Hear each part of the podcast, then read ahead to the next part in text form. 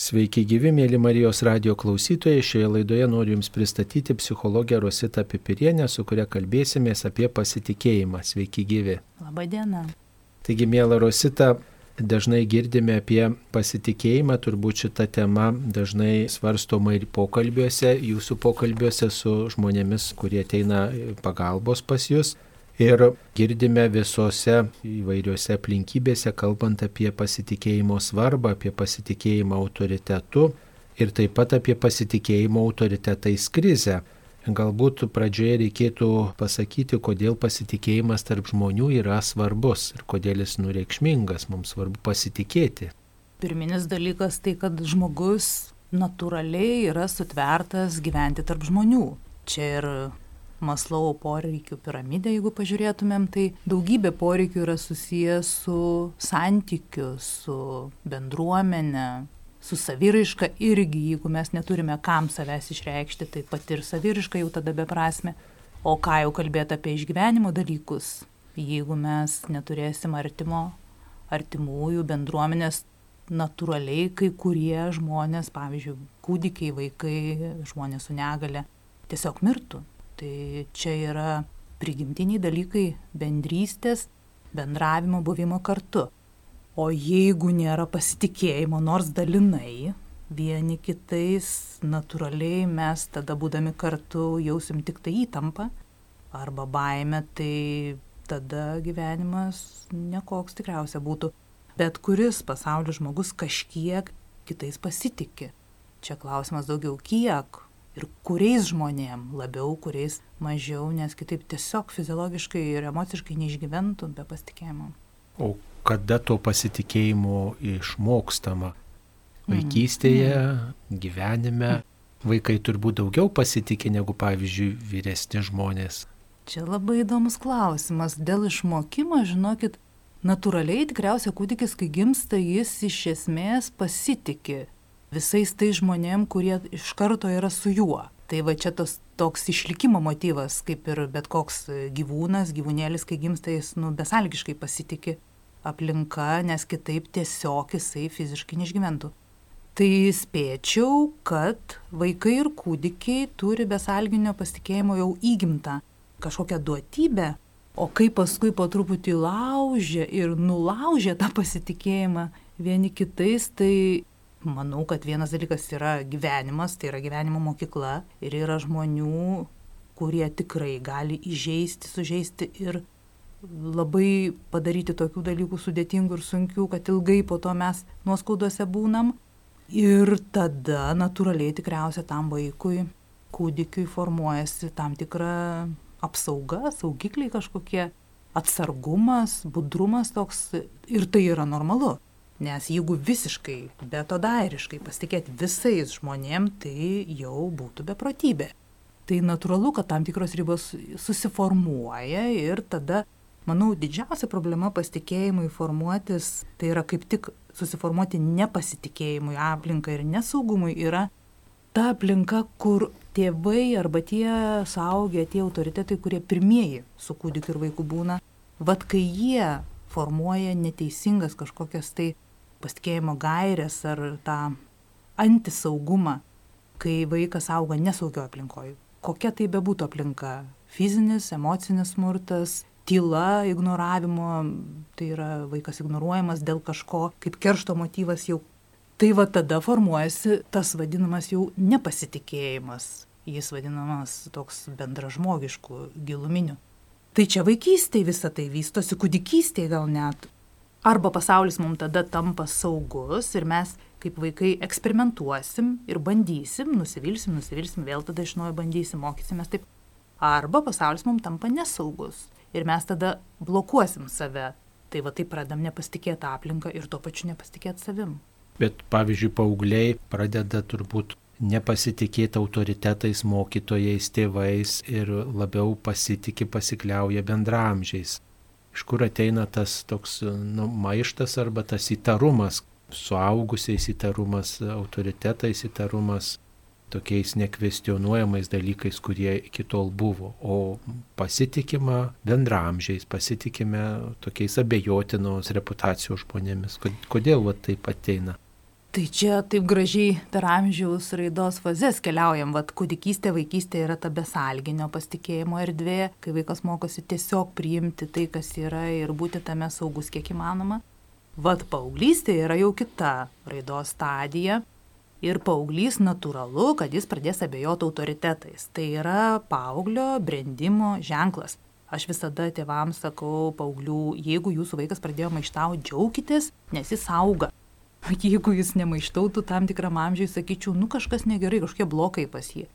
Bet tam, kad paauglys maištautų prieš tėvus, bent jau tėvus, mokytojus tuos pačius, mokytojai žino, kad paauglystė yra maišto laikas ir jie į tai žiūri, jeigu mokytojai brandus pakankamai adekvačiai, jie tai priima, aišku, netoleruoja, jeigu tai yra jau kraštutinės formos, agresijos ar kažko neklausimo, to jau tokio nevaldoma, tai stato ribas, taip ir turi būti, bet viduje jie žino, kad paauglys turi maištauti tam, kad surastų save. Paauglio yra ta problema ir pasitikėjimo savimi ir pasitikėjimo kitais tikriausia, kad jisai yra nebe vaikas, kol jis buvo vaikas, jam buvo viskas aišku. Kaip vaikystė vyksta, vat, nu kaip, kaip vaikui dabar man būti. Bet paauglys yra dar ir nesuaugęs, jis yra tokiam tarpiniam kažkokiam taške. Ir paauglystės krizė, dėl ko yra tokia sudėtinga ir dėl ko jinai tokia, vat, nu, pasitikėjimo prasme, jinai viena iš sunkiausiai įveikiamų būtent pasitikėjime. Tai vad paauglystė labai svarbi pasitikėjimui tvarkyti, kad jisai nebūtų iškirstas vaikui, paaugliui iš pokojų. Ir savim pasitikėjimas ir kitu. Labai jautri šita krizė būtent paauglystės. Bet supraskim ir tuos paauglius, įsivaizduokit, jie buvo, buvo kažkuo ir staigi tampa niekuo. Jiem reikia save iš naujo sulibdyti. Tai maištas yra būdas libdyti save.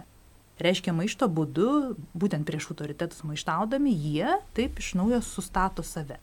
Tai yra, bando žiūrėti, o kasgi dabar aš esu, iki kur man leidžia mama tėtis, o iki kur jau stabdo. Tai ribos būtinai turi būti, nes ribos duoda saugumą. O ribos, jeigu suformuoja kažkokį saugumą paaugliui, natūraliai duoda ir pasitikėjimą. Jis tada pasitikės autoritetais, kurie turi didesnio kažkokio nusuvokimo, didesnės patirties, plačiau gal mato situaciją, Ir tada paauglys į tai aišku, kad žiūrės maištaujančiai, jeigu jam draus kažką, bet po laiko jisai įvertins, kas įvyko, pavyzdžiui, vat, nu, draugai, ne tie patys jūs paminėjot, kad draugais labai pradeda pasitikėti. Tai tėvai arba kiti, kurie globoja paauglį, turėtų pažiūrėti, jeigu vaikas draugavo su tokiais bendramžiais, kuriuos ten matom nusikalstamai elgiantis, ar ten narkotikai, ar alkoholizmas, tai jeigu mes norime išauginti kitokio būdo vaiką, tai mes tikrai neleisim su tokiais susitikinėti. Ir aišku, kad vaikas maištaus, gali būti net bėgs iš namų ir panašiai, visko gali būti. Ir aš kai konsultuoju ir saugusius, ir kartais paauglius, vat, būtent tokio elgesio, tai mes kalbam apie tai, kaip galima tų pačių dalykų pasiekti, nedarant prieš įstatymus, nes ten jau ir prieš įstatymus jie kartais eina. Tai galima ir paauglį pakviesti, nenusižengti įstatymam, ir jis taip tada pasitikės, kad nu įstatymai reikalingi. Galima ir tėvus išmokyti, kaip jiems su paaugliais elgtis adekvačiai, kad paaugliam nereiktų iš namų bėgioti ir va taip savęs vertinimą stiprint. Nu jie tada pasitikė savim labiau, kad pabėgo aš kietas. Bet kartais tėvai prieš tai sukelia tokius netinkamus dalykus namuose, auklėjimo kažkokiais netinkamais metodais, kad vaikų nebėra kaip kitaip pasitikėti savim, kaip kad drastiškai pasielgus priešingai. Tai žinokit, autoriteto krizė, aš sakyčiau, yra dabar paauglių tarpe, jie apskritai linkia nebepasitikėti niekuo, kas stipresni. Nes jie galvoja, kad jeigu aš pasitikiu stipresniu, reiškia aš silpnesnis. O tai yra netiesa. Nes žmogus, kuris yra stiprus, jis visada norės lygiuotis dar aukščiau ir jis ieško stipresnių už save ir jais tikės. O silpnas, jis yra per silpnas, kad pripažintų, kad yra stipresnių ir sako, aš stipriausias. Tai kai šitą paaugliam pasakau, jie labai susijaudina, susinervuoja, pyksta, sako nesąmonė, jeigu aš geriausiai beveik dainuoju iš viso miesto, tai čia reiškia, kad taip ir yra. Sakau, reiškia tiesiog, kad tau dar reikia pasistengti, nes yra dar pasaulinio garso dainininkai ir galima jais sekti. Tai va tas autoriteto krizės klausimas gal tada trupučiuką eina su tuo, kad pasitikėjimo savim dabar paaugliam truputį trūksta to natūralaus tokio, kad su manim šiaip viskas yra gerai. Nes vis moko juos kažkuo būti, kažką kitaip daryti. Vakarų pasaulio iš viso kažkaip labai neleidžia paaugliam būti savim tai tu stipresnis būk, tai geriau mokykis, tai tylesnis būk, tai tu padėk savo broliukui sesytėjai, tai tu eik socialinį darbą kažkokį atlik darbą ir vis. Niekas nemato, kad paauglys va šiandien kažką gero padarė, kad ir tai paprasti dalykai ir pagirti jį už tai. Tai sakyčiau, žinokit, yra čia ryšys tarp pasitikėjimo savim ir pasitikėjimo kitais.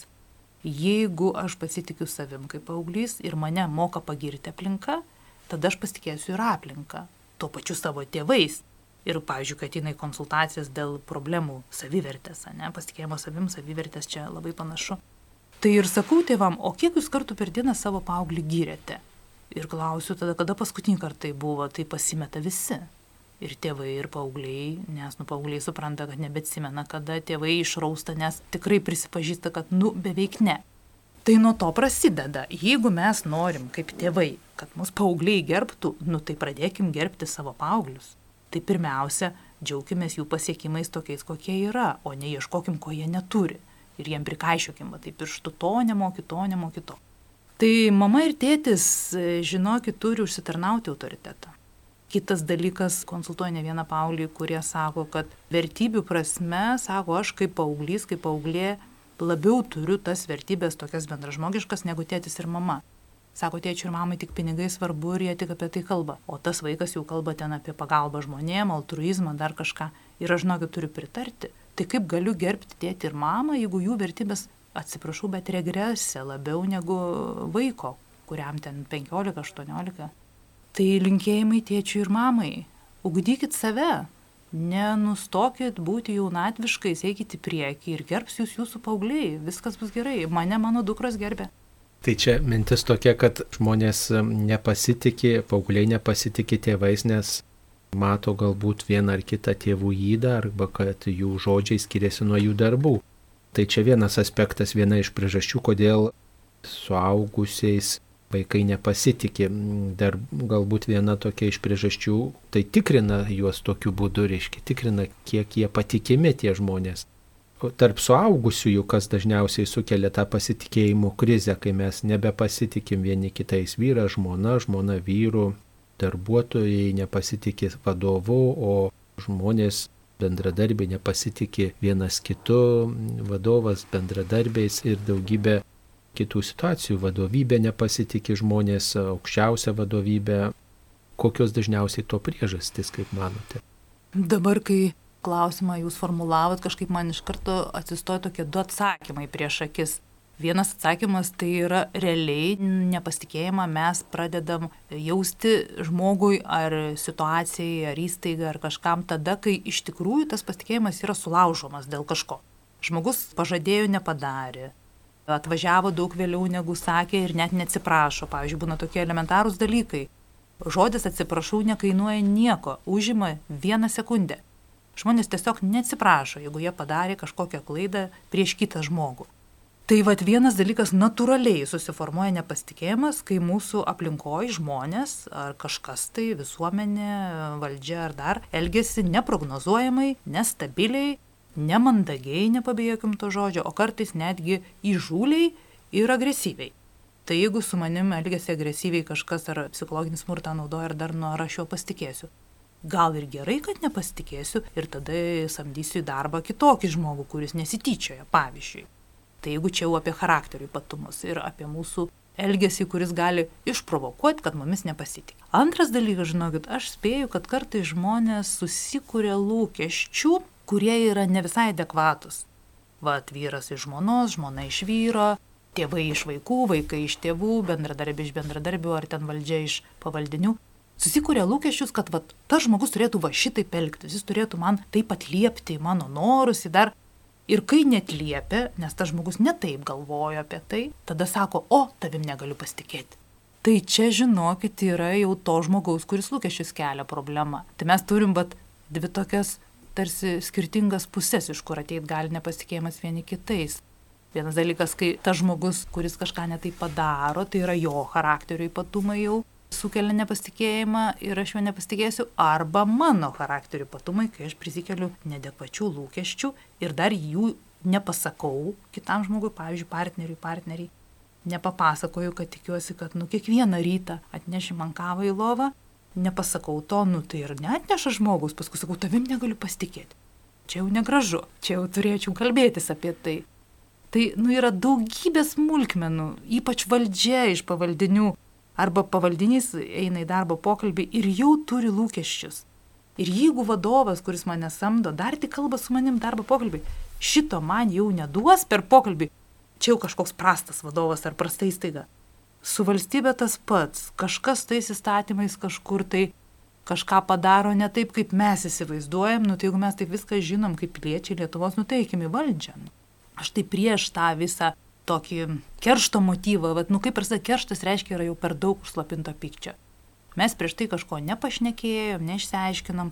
Tai va, kas dar pasitikėjimą vienas kitų labai blokuoja ir ardo tą tikrą pasitikėjimo ryšį, tai tyla. Aš kartais klausiu žmonių, ypač artimųjų, kas yra, kad jūs apie tai, kur nepasitikėtis vienas kitų, nesišnekat? Kas yra, kad jūs apie tai tylit? Ai, tai nedrasu, ai, tai nesupras. Vieną kartą nesupras, antrą kartą pamėginkit. Jeigu neišeina kalbėtis, laišką parašykite SMS, pavyzdžiui, vad su paaugliais labai faina SMS yra taikytis. Aš labai daug su savo paaugliam dukrom, kol dar buvo paauglės, mes SMS taikydavomės. Labai gerai, žinutė, brūkšt, žodis atsiprašau greičiau pasirašo, negu pasakai akis. Nu, man taip anksčiau būtų, dabar jau aš lengvai atsiprašau pasakau. Tai čia, žinokit, yra daugybė būdų, kaip kalbėtis ir kad nesikauptų nuoskauda. Nes kai kaupėsi nuoskauda dėl to, kad nepasitikė kitų žmogum, tada jau kaupsis po apačią dar kažkur tai ir keršto motyvas arba tas vadinamas depresinis liudesys, kuris iš viso sako, santykis yra negeras, nutraukiam. Tai vad skirybos kartais ant to, atsistoja ant tos lenkščio, kai tiek nuoskaudų nueina pas psichologą porą, išsisako nuoskaudas per penkias konsultacijas ir žiūrėkit, vėl pasitikė vienas kito. Tai dažniausiai turbūt nepasitikėjimo tos priežastis jos susijęs su kito žmogaus elgesiu arba su tais lūkesčiais, kurie yra nepateisinti. Bet dažniausiai turbūt tarp žmonių tas pasitikėjimas sugriūna tuo met, kai patiriamas koks nors melas, veidmainystė, manipulacijos, apgaulė kažkokia.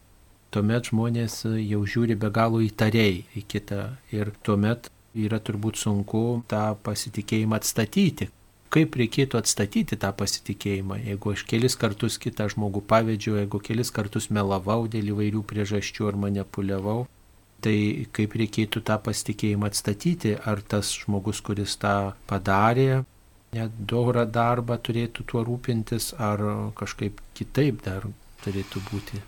Čia labai gražiai paklausėt irgi iš dviejų pusių. Tai aš manau, kad mes galim irgi bandyti atsakyti iš abiejų tų žmonių pusių. Vat vienas tas žmogus, jeigu jis sąmoningai jau suprato, kad padarė kažkokį nemalonų darbą, ypač savo artimam žmogui, mylimam, ar šiaip, kad ir darbuotojam kartu bedirbantis, jie turi išlaikyti kažkokį teigiamą pasitikėjimą vienas kitu. Tas blogas darbas gali būti bet kas, na, vad, primelavau, ar plėtkus paleidau apie tą žmogų, tie atidėliojimai darbai, ten nepadariau, nu žadėjau, žadėjau visai. Tai vienas dalykas, jeigu aš jau tai suvokiu sąmoningai, galų gale paprasti dalykai, pažadėjau, nepadariau vaikui, ne, ten pažadėjau, nepadariau broliui sesiai. Tai jeigu aš supratau, kad čia jau yra negražu ir kad tai ne pirmas kartas, pavyzdžiui, ypač jeigu kartojasi, tai sąmoningai suvokus mes jau padarom pusę darbo, nes mes jau prisimam atsakomybę už savo tą, net nesakyčiau, blogą poelgį, gal netinkama, va taip sakykim. Ir tada pirmas dalykas, ką turiu padaryti, jeigu aš pati supratau, kad jau netinkamai pasielgiu prieš kažkokį žmogų, tai nu atitaisyti to dalyko. Tai pirmas dalykas - atsiprašymas, kas irgi sakau netaip paprasta. Nes kai mes atsiprašom, mes turim trupučiuką tapti nuolankus. O trupučiuką tapti nuolankiais gali tik tai stiprų žmonės. Nes jeigu žmogus gana silpnas ir va nepasitikė savim ir, ir savivertė jo žema, jam nebus lengva būti nuolankiam, nes jis nuolankumą priims kaip dar pažemėjimą. Aš dar pasidarysiu kažkoks silpnas ir visiškai manęs neliks dulkė tik. O stiprus žmogus, kuris vertina save pakankamai stipriai, adekvačiai, va, žino, ko jis vertas, nenusivertina, jam nuolankiu tapti bus daug paprasčiau. Kitas dalykas - tikintis žmogus. Jeigu žmogus yra tikintis, jis natūraliai nuolankumo pozicija tiesiog gyvena, dažnai tai yra tiesiog jam kasdienybė toks būvis tiesiog. Kaip prieš Dievą nuolankus, tai prieš artimą nuolankus. Tai nereiškia nuolaidžiavimas. Nemaišykim dviejų panašiai skambančių žodžių - nuolankumas ir nuolaidžiavimas. Ne, tas pats tai netgi priešingai beveik. Nuolankus žmogus yra brandus žmogus, kuris supranta, kai suklysta, nesuklysti yra žmogiška, mes visi žmonės nepretenduokime į Dievo vietą, tik Dievas tobulas, Ir kai aš kaip žmogus suklystu, jeigu aš kaip žmogus nuolanki, aš supratau, kad suklydau, aš nueinu atsiprašau. Kartai žinokit, atsiprašymo nepriima. Yra tokių žmonių sudėtingų, patys jie pažeidžiami labai, jie nepriima. Bet aš atsiprašiau, aš savo padariau. Pirmas yra dalykas atsiprašyti, antras dalykas, nu pažiūrėti, kaip dar tą žmogų galima sušvelninti. Nežinot, kodėl net leidžia žmonės, kai mes atsiprašom. Todėl, kad jie labai skausme kažkokiam gyvena. Jiem reikia tiesiog paprastos meilės. Jiem natūraliai reikia dėmesio, truputį daugiau negu tik atsiprašau pasakyti.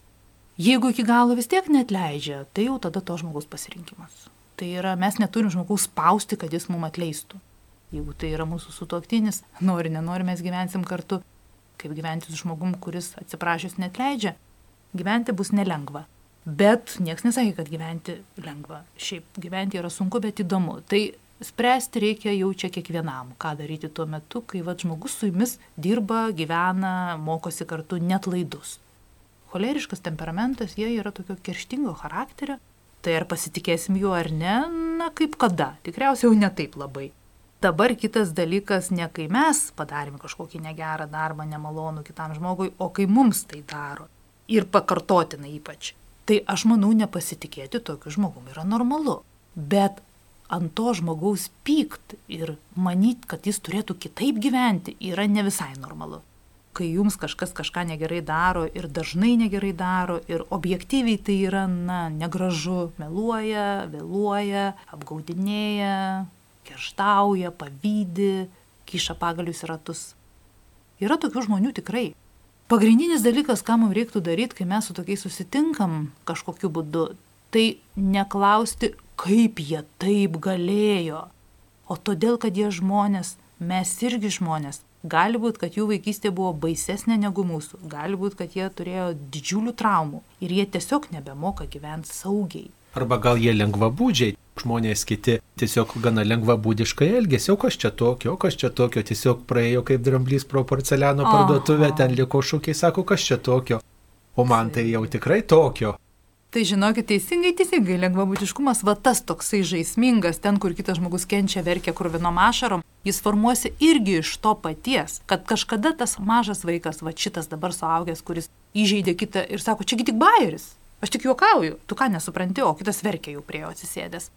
Tai žinokit, jis tas lengvabūdiškumas toks susiformuoja irgi tada, kai tas žmogus, būdamas vaikas ir paauglys, negavo empatiško dėmesio su juo taip elgesi, pro jį būdavo praeinama kaip pro nieką, vad stalas stovi, nestovi, pastumsiu, tai ir vaikas tas pats. Žinok savo vietą, arba atvirkščiai ten būna, pavyzdžiui, labai stipriai perlepinti vadinami vaikai. Jie tokie va ten būdžiai, jie nejaučia ribų. Ar perlepintų vaikų būti yra malonu, aišku, kad ne. Pasitikėjimas savim žemas, ryšto dažniausiai jiem trūksta, jie vat labai pažeidžiami dažnai būna, na tokie vadinami lepus, tai jie tada visiškai tokie, vat, nu, vėjavaikiški, jie tokie kaip vėjas. Praėjo, hai, partneris keičia čia, taigi kas čia tokia, taigi mes visi laisvi dabar. O kiti įsižeidžia, verkia, ten du metus po to turi tą trauminį patyrimą po tokio santykio. Ir tada irgi, va, aš lengva būdis atsisuka, sako, tai kas čia tokio, man seniausia nieko nebėra iš praeities, kodėl tu dar vis kenti. Kad tai yra ir su charakteriu susiję, ir temperamentu tikriausia taip. Ir tai yra jau įgimti dalykai ir aišku, negalima visur badyti pirštu į auklėjimo sistemas neteisingas ar ten globotojus, pavyzdžiui, vaikų namų auklėtinius ir panašiai. Ne visur reikia badyti pirštu, nes kartais tose pačiose šeimose išaugę vaikai vienas būna toks, kitas būna toks, nors kaip yra aplinka ta pati buvo auklėjimo. Tai temperamentai dar yra, tai čia gali būti šiek tiek vat, susiję, pavyzdžiui, melancholiko tipo žmogus yra jautresnis, pažeidžiamesnis ir jie daug ilgiau laiko tą vat, nuoskaudą. Jie labai tokie sąžiningi, teisingi Ir jiem gana sunku suvokti, kad va žmonės kiti tiesiog skraido, jie va tokie. O sangviniškas charakteris, toksai, kaip jūs apibūdinote, tas toks, kas čia tokio, trupučiuką čia, o ką. Taigi visi, visi mes žmonės, mums viskas būdinga, mesgi nieko čia blogo nepadarėm, jie tokie, nuo jų problemos kaip nuo žasies vanduo nuteka, jie įsivaizduoja sangvinikai, kad ir kiti taip gyvena. Ir jiem labai sunku suprasti, sako, kodėl tu verki, sako, tu mane išdėjai, kuo, jie net to žodžio nesupranta kaip įžeidimą. Bet vis tiek mes tą vidumi savo, tą meilę vadinamą artimąją, mes turėtumėm suprasti, kad yra kaip yra, mes vis tiek negalim sakyti, kodėl jie tokie. Taip neturi būti. Nu turi. Žmonės yra skirtingi. Pavyzdžiui, choleriškas charakteris. Taigi ten agresijos kamoliukai. Kiksmažodžiai, ta prasme, intensyvumas toksai, ekspresija, choleriškas, kai žmogus ateina, pavyzdžiui, vadovauti, nu natūralu, kad visi pamato jau. Bet ar mes dėl to turim pykti, jie kitus dalykus labai gerai daro. Tai ką čia dabar reiškia, kad nei vienas žmogus nesitoks su choleriku, nes mūsų jo bus sudėtinga gyventi, daug emocijų, tai gali būti netgi visokių grasinimų, taip, taip, cholerikas gali. Dažniausiai jie neišpildo grasinimų, jie išsiriekia. Mes turim tikėtis, kad visko gali būti. Ir kai mes tikimės, kad visko gali būti, mes tada gal mažiau nusiviliam tuo žmogum.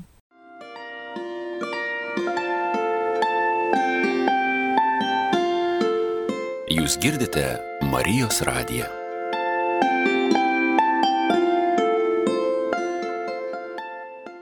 Tai iš to, ką pasakėte, aš bandau tokias išvadas padaryti, kad vis dėlto, jeigu aš esu tas, kuris kitam kažką netai padariau, įskaudinau ir manim nebepasitikė, tai vis tiek reikia truputį gal kritiškai pažiūrėti į save. Ir aš tai sakyčiau, reikėtų irgi truputį pagalvoti, iškia atsiprašyti ir tiesiog pripažinti savo klaidą. Tai manau, kad tokiu būdu aš ugdysiu kitų žmonių pasitikėjimą manimi.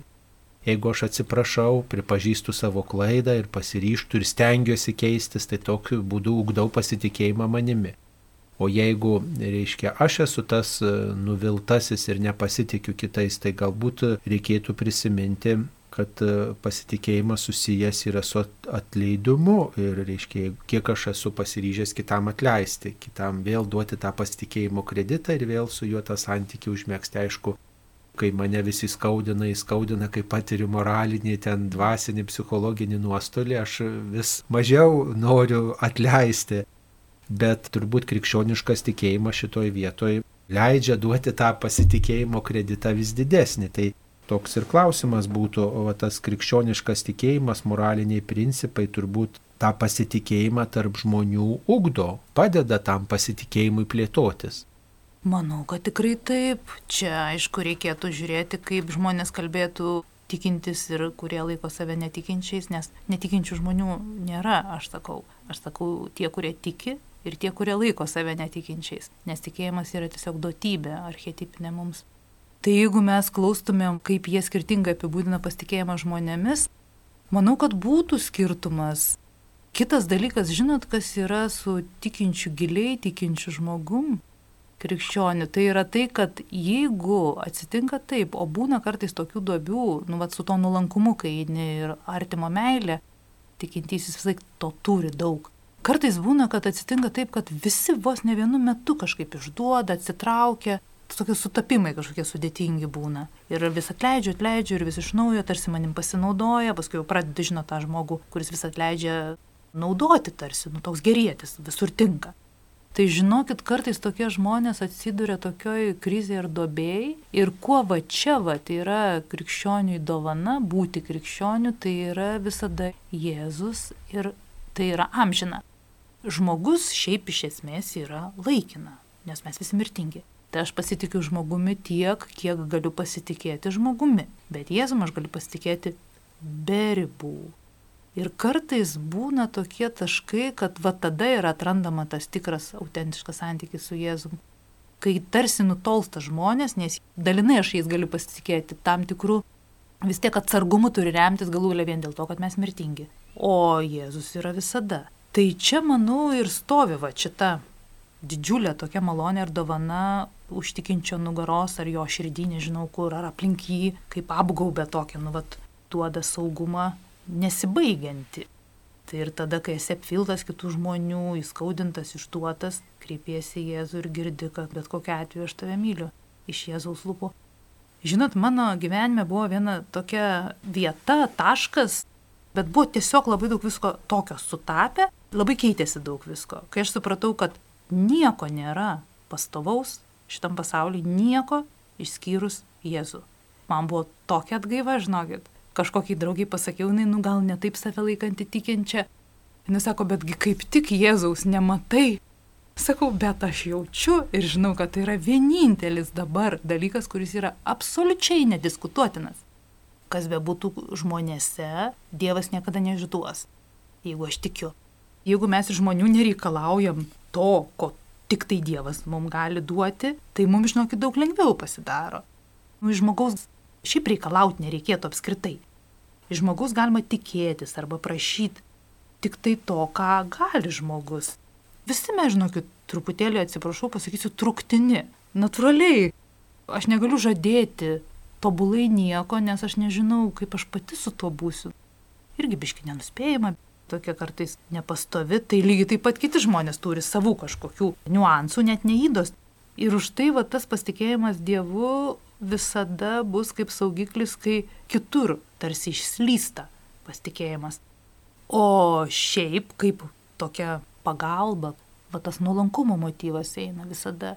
Tikintis žmogus yra nuolankus tame, kad žmonės gali daryti klaidų, jam natūralu. Iš kitos pusės jis savo leidžia daryti klaidas. Su tokiu žmogum labiau įmanoma sugyventi.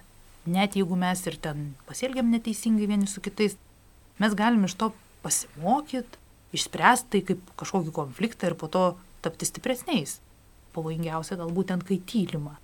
Dar vienas dalykas toksai yra, kad ypač vaikus šiais laikais, kai yra įvairūs tie piknaudžiavimo tokie atvejai, mokoma netgi žiūrėti įtariai, pavyzdžiui, nepažįstamai kažkokį net ir suaugęs turbūt susitikęs praeivį, nebus taip, kad iš karto pasitikės. Pavyzdžiui, pasibeldė į tavo namus kažkoks nepažįstamas žmogus. Prašo vandens, kelio klausia, nežinau, dar kažką mm. siūlo kažką pirkti tai žiūrėti įtariai, nes yra visokių apgaulės atvejų, manipulacijos atvejų, tai reiškia truputį net ir mokoma turbūt net ir, ir visuomenėje, ir, ir mokyklose, ir švietimo įstaigoje to įtarumo tokio, nes gali būti visokių žmonių, pavyzdžiui, tas pats ir socialiniuose tinkluose. Nepasitikėk taip lengvai tuo, kas parašyta, tuo, kuo tau prisistato, reiškia, tu tirk, žiūrėk, stebėk, atsiklausk, pasitark. Ką apie tą tokį įtarumą galėtume pasakyti, ar tai yra nu, žmonių visuomenės įdų toks rezultatas, ar, ar čia tiesiog dar kažkas kito, ar tiesiog tą pasitikėjimą iš tiesų reikia nu, užsitarnauti, kad kitas žmogus užsitarnautų tą pasitikėjimą ir aš galėčiau tikrai tuo žmogumi remtis. Ar tai vaikas tą tokį užsitarnavimą turi pastebėti, ar suaugęs. Čia gal tas adekvatus nepasitikėjimas dalykais, kurių mes kol kas nepažįstam. Tai vad pavyzdžiui, apie naujus žmonės sutiktus, kai jie siūlo kažką kartu daryti ar dar. Tai įtarumas, tas žodis truputį tokio duoda baimės motyvo. Aš įtarus, nes aš bijau. Vaikam gal tinka mažesniem, nes juos reikia biški išgazinti už tai, kad jie turi to sveiko naivumo. Jie pasitikė visais ir visur, nes tas nušventas atvirumas pas juos yra, jie dar su Dievu tiesioginiam ryšį tai juos biški reiktų pagazdinti, taip, kad yra blogų žmonių tiesiog. Kaip pasakyti apie tai, kad tie žmonės, kurie negerai ir blogai daro, pavyzdžiui, vagia vaikus, ne, labai anksti vaikai sužino šitą. Ir gerai, nes iš tikrųjų jie turi žinot, kad yra tokie dalykai. Jie patys, aš taip sakydavau, kad nu, nenuvertint paties žmogaus kaip tokio, kad jie patys kažkada buvo auklėti labai pavojingai kažkaip, jų nemylėjo tėtis mama, ar jų iš vis neturėjo, vieni augo gatvėje jie paskui išmoksta tokių dalykų anksti ir jie tampa vagimis. Arba telefonus, pavyzdžiui, iš mažų vaikų pačiumpa ir bėga, arba ten vat narkomanais tampa. Ir jau kai narkotikų panaudoja, jie tampa nu, truputį nenormalūs ir tada jų reikia vengti. Tai šitų dalykų papasakot verta vaikam, truputį sumini tokiu, nepergazdinti, bet papasakoti, kad tai egzistuoja. Ir žinokit, tikrai, vat, pavyzdžiui, pradinukus apklausus, beveik kas antras, jeigu ne kiekvienas buvo va taip pat pagautas biški ar telefoną paimti, ar pinigų ten pačiupti iš jų, ar kažką. Tiesiog taip yra, nes tai yra mažas vaikas ir jie yra labai tinkami, va, vyresniem tokiem plėšikam, labai jau tokio nelegalaus ir bjauraus, prie vaikų kabinėtis ir išvaikuoti menė daiktus. Bet šiaip, žinokit, man gal labiau patiktų ne žodis įtarumas, o budrumas ir atsargumas. Jeigu jau taip šnekėt, aš gal vadinčiau daugiau, kad mylėk kiekvieną žmogų, kuris yra tavo erdvėj vat atsiduria. Bet būk atsargus ir budrus, jeigu dar jo nepažįsti. Tai va tas sargumas, budrumas visada turi būti savotiškai, nu mes truputį vis tiek dar vertinam, kas čia su manim šneka ir ko jis nori. Bet su vaikais mažesniais gal net ir va ta, kad pasaulyje yra ne tik gėris, yra blogis, bet kaip tai pateisinti, kad nebūtų bloga gyventi, nes vaikai sako, tai ką tada?